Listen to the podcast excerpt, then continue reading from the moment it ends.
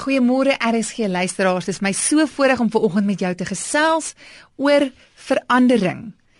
Nou ons lewens is vol verandering. Verander jou werk, verander jou wagwoord op die internet, verander dit, verander jou huis, dalk moet jy huis trek, verander jou kar en dis vol allerlei dinge om ons wat konstant verander. En van ons beleef veranderinge as opwindend en dis lekker, maar partykeer word ons geforseer in verandering. Party van ons hou van stabiliteit, ons soek nie verandering nie. En baie belangrik is is wat ek ver oggend met jou wil deel. En dis uit Handelinge 10 vers 9 tot 17. Jy kan die hele gedeelte lees, maar dit gaan oor Petrus se visioen. En Petrus wat 'n Jood was, het 'n sekere manier van dink gehad. Die hy het met Jode gewerk en ewe skielik gee Jesus hom hierdie visioen. God gee hom hierdie visioen van die onrein diere. En God sê vir hom: "Maar eet hierdie onrein diere." En sy antwoord is hy sê vir God: Ek kan dit nie eet nie, dis onrein.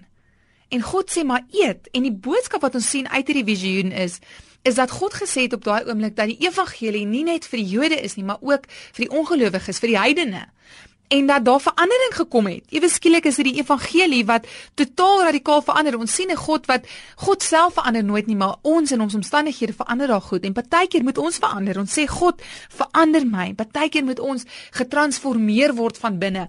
Ons moet vir die Here sê, Here, dalk is dit nie die persoon langs my se skuld nie. Dalk is dit nie die omstandighede om my nie, maar ek van verantwoordelikheid en ek wil vir u sê vir oggend, Vader, verander my. Dalk kan ek verander.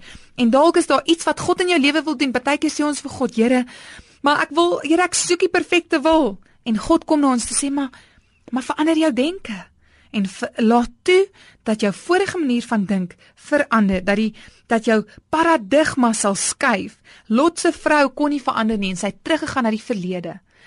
Ontvang die veranderinge. Ek wil amper sê embrace change. Vandag vorentoe is daar iets nuuts wat God vir jou het. Moenie bang wees vir verandering nie. God het iets nuuts vir jou.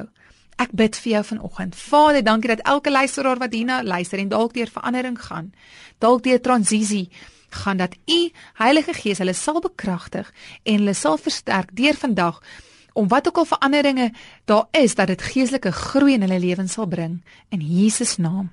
Amen.